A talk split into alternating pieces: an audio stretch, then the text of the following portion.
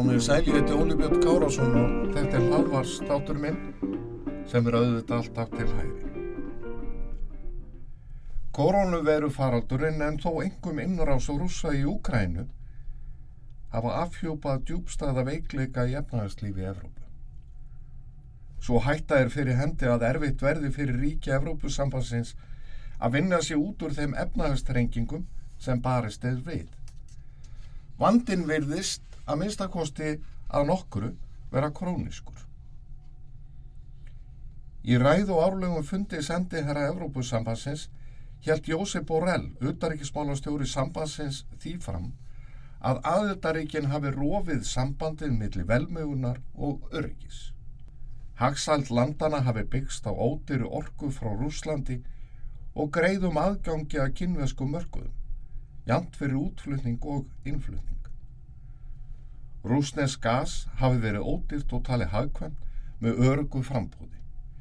Kína hafi verið vettvangur fjárfestinga og uppspretta ódýra yðnaðarvara. Þannig hafi kynvest verkafólk með sín lágulaun gert meiru á staðið sér betur við að halda verðbólgu í Evrópu í skefjum en allir seðlabankar álfunar samanlagt. Á sama tíma og velmögun ríkja Evrópusambansins hafi verið byggð á Kína og Rúslandi aðgengi útflutningsa risamarkaði og nægu frambóði af hagstæðri orku framseldi Evrópa öryggi sitt til bandaríkjana.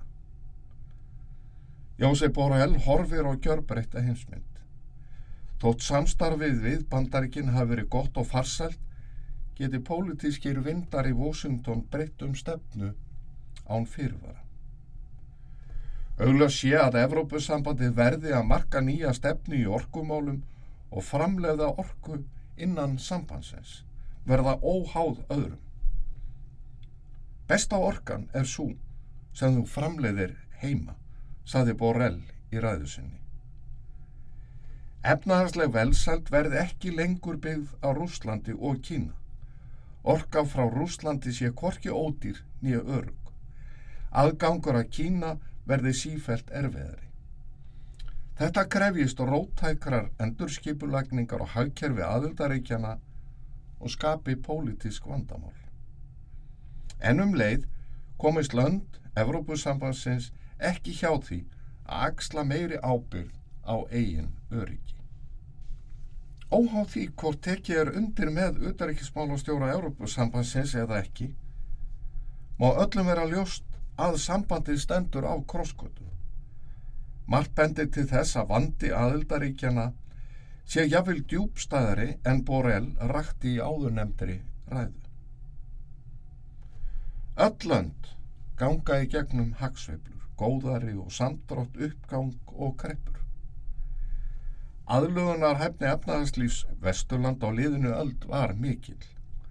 Á tímum samdráttar gáttu Evrópubúar treyst á frumkvöðla og að fjármagn leitaði í arbarar fjárfestingar sem byggðu undir hágust framtíðarinnar.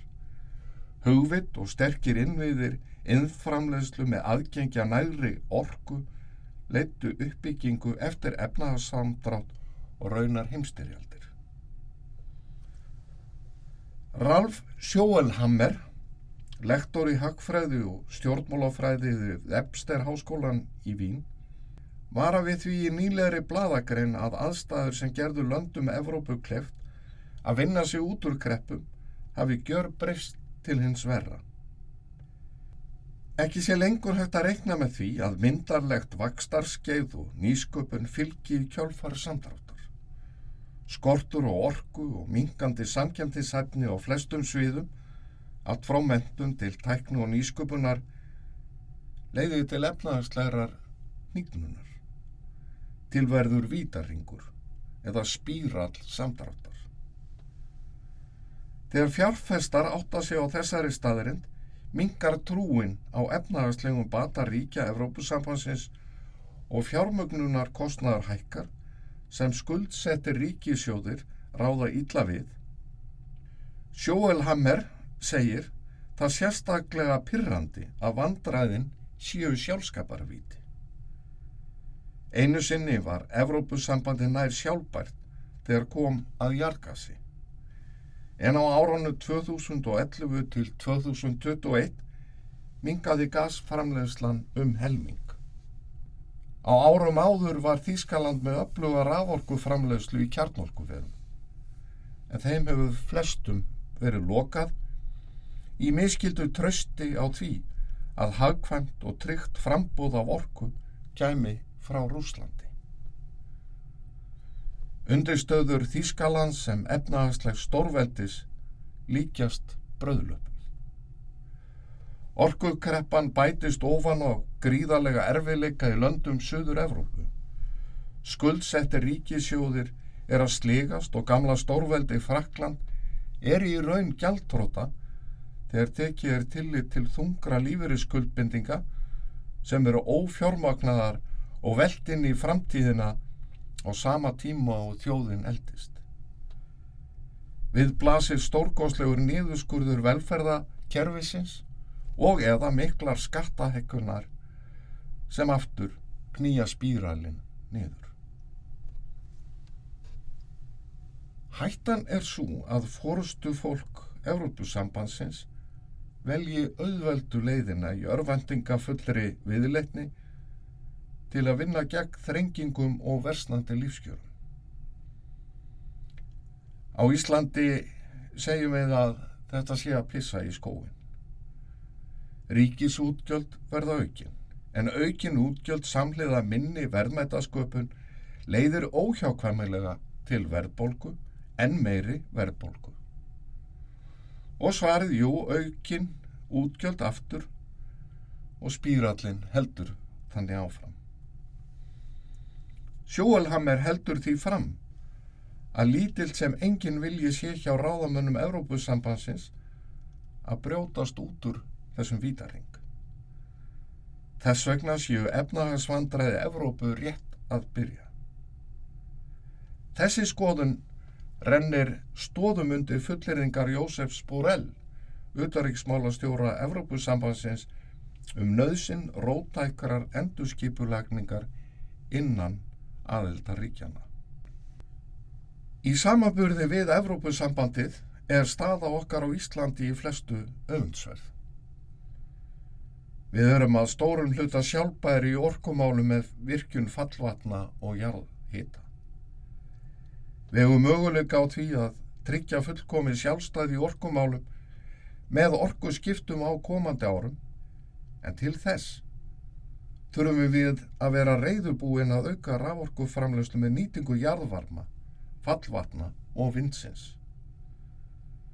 Staða ríkisjóðs er sterkari hér á Íslandi en flestar annar ríkja og skuldir sem hlutfall af landsframlislu með því legsta sem þekkist.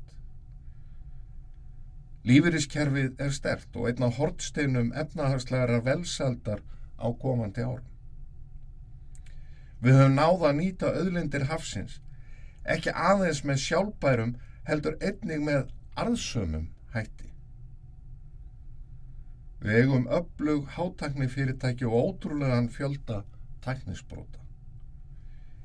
Í samaburði við aðra þjóður Evrópu erum við enn ung en framundan eru áskoranir í þeim efnum. En jafnvel þóttu við stöndum styrkum fótum erum við ekki ónæm fyrir vanda annara landa.